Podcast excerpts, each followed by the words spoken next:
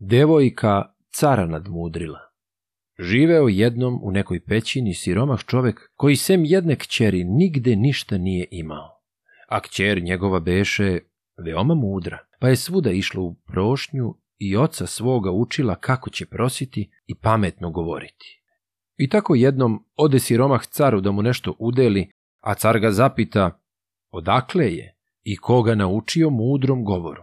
A kad siromah reče kako ga je kćer poučila, car upita, a od koga je tvoja kćer naučila? Beda i nevolja behu njeni učitelji, reče siromah. Tada mu car dade 30 jaja i reče, ponesi ovo svojoj kćeri i reci joj da mi iz tih jaja izleže piliće, pa ću je dobro nagraditi. Ali, ako ona ne uspe, tebe ću na muke staviti. Siromah ode u pećinu plačući, pa sve ispriča kćeri šta se zbilo. Ona odmah poznade da su jaja kuvana, ali reče ocu, samo ti pođi na počinak, a ja ću se o svemu pobrinuti. Otac posluša, a kćer dohvati kotao, nalije ga vodom i bobom, pa stavi na vatru da se kuva.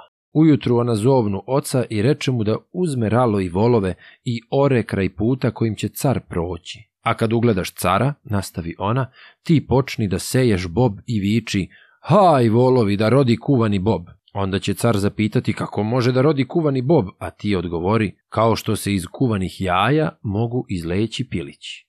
Siromah posluša kćer, pa ode kraj carskog puta i stane orati. Kad naiđe car, a orač povika, aj volovi da rodi kuvani bob. Car se začudi ovim rečima, pa stade i zapita, kako kuvani bob može da rodi? A siromah odgovori, časni care, baš kao što se i pilići mogu izleći iz kuvanih jaja. Doseti se car da ga je kćer to naučila, pa mu naredi da priđe bliže. Onda uze povesmo lana i pruži ga siromahu govoreći.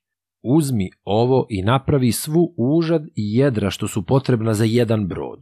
Ako tako ne učiniš, izgubit ćeš glavu. Uplašeni siromah uze povesmo, pa ode kući plačući. Kada kćer vide šta se zbilo, reče ona ocu da spokojno spava, a ona obeća da će učiniti sve što bude trebalo.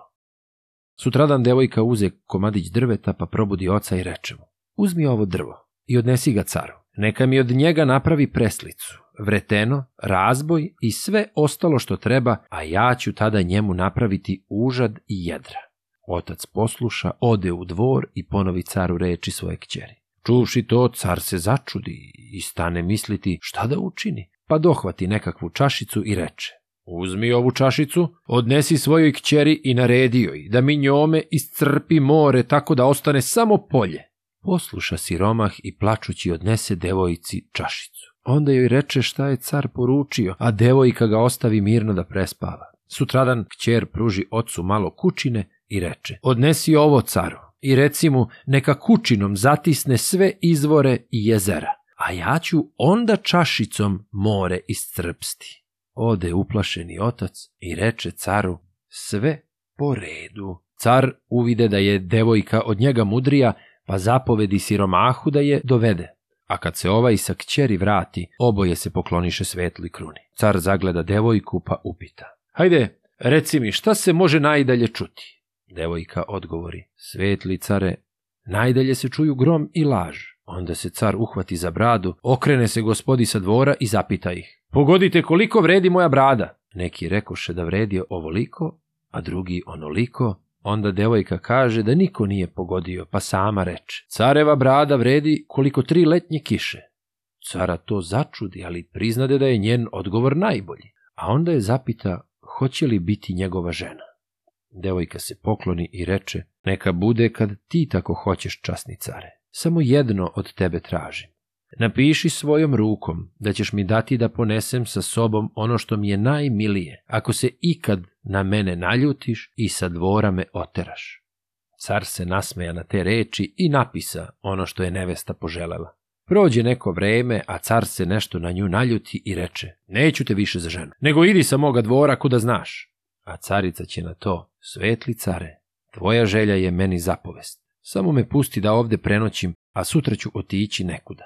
Car joj dopusti. Ali za vreme večere carica pomeša u vino neko mirisno bilje koje uspavljuje pa dade caru govoreći. Pi i veseli se care, jer ćemo se sutra rastati, a ja ću biti veselija nego kad sam se s tobom sastala. Car se napije i utone u čvrst san. Onda ga carica stavi u kola i odveze u očevu pećinu. Kad zora osvanu, car se probudi i vide gde je. Zašto si to učinila, povika on.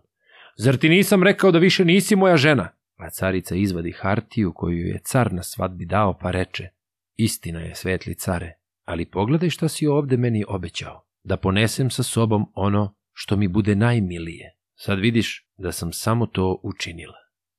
Caru zaigra srce od radosti, pa poljubi mudru ženu i povede je u dvor.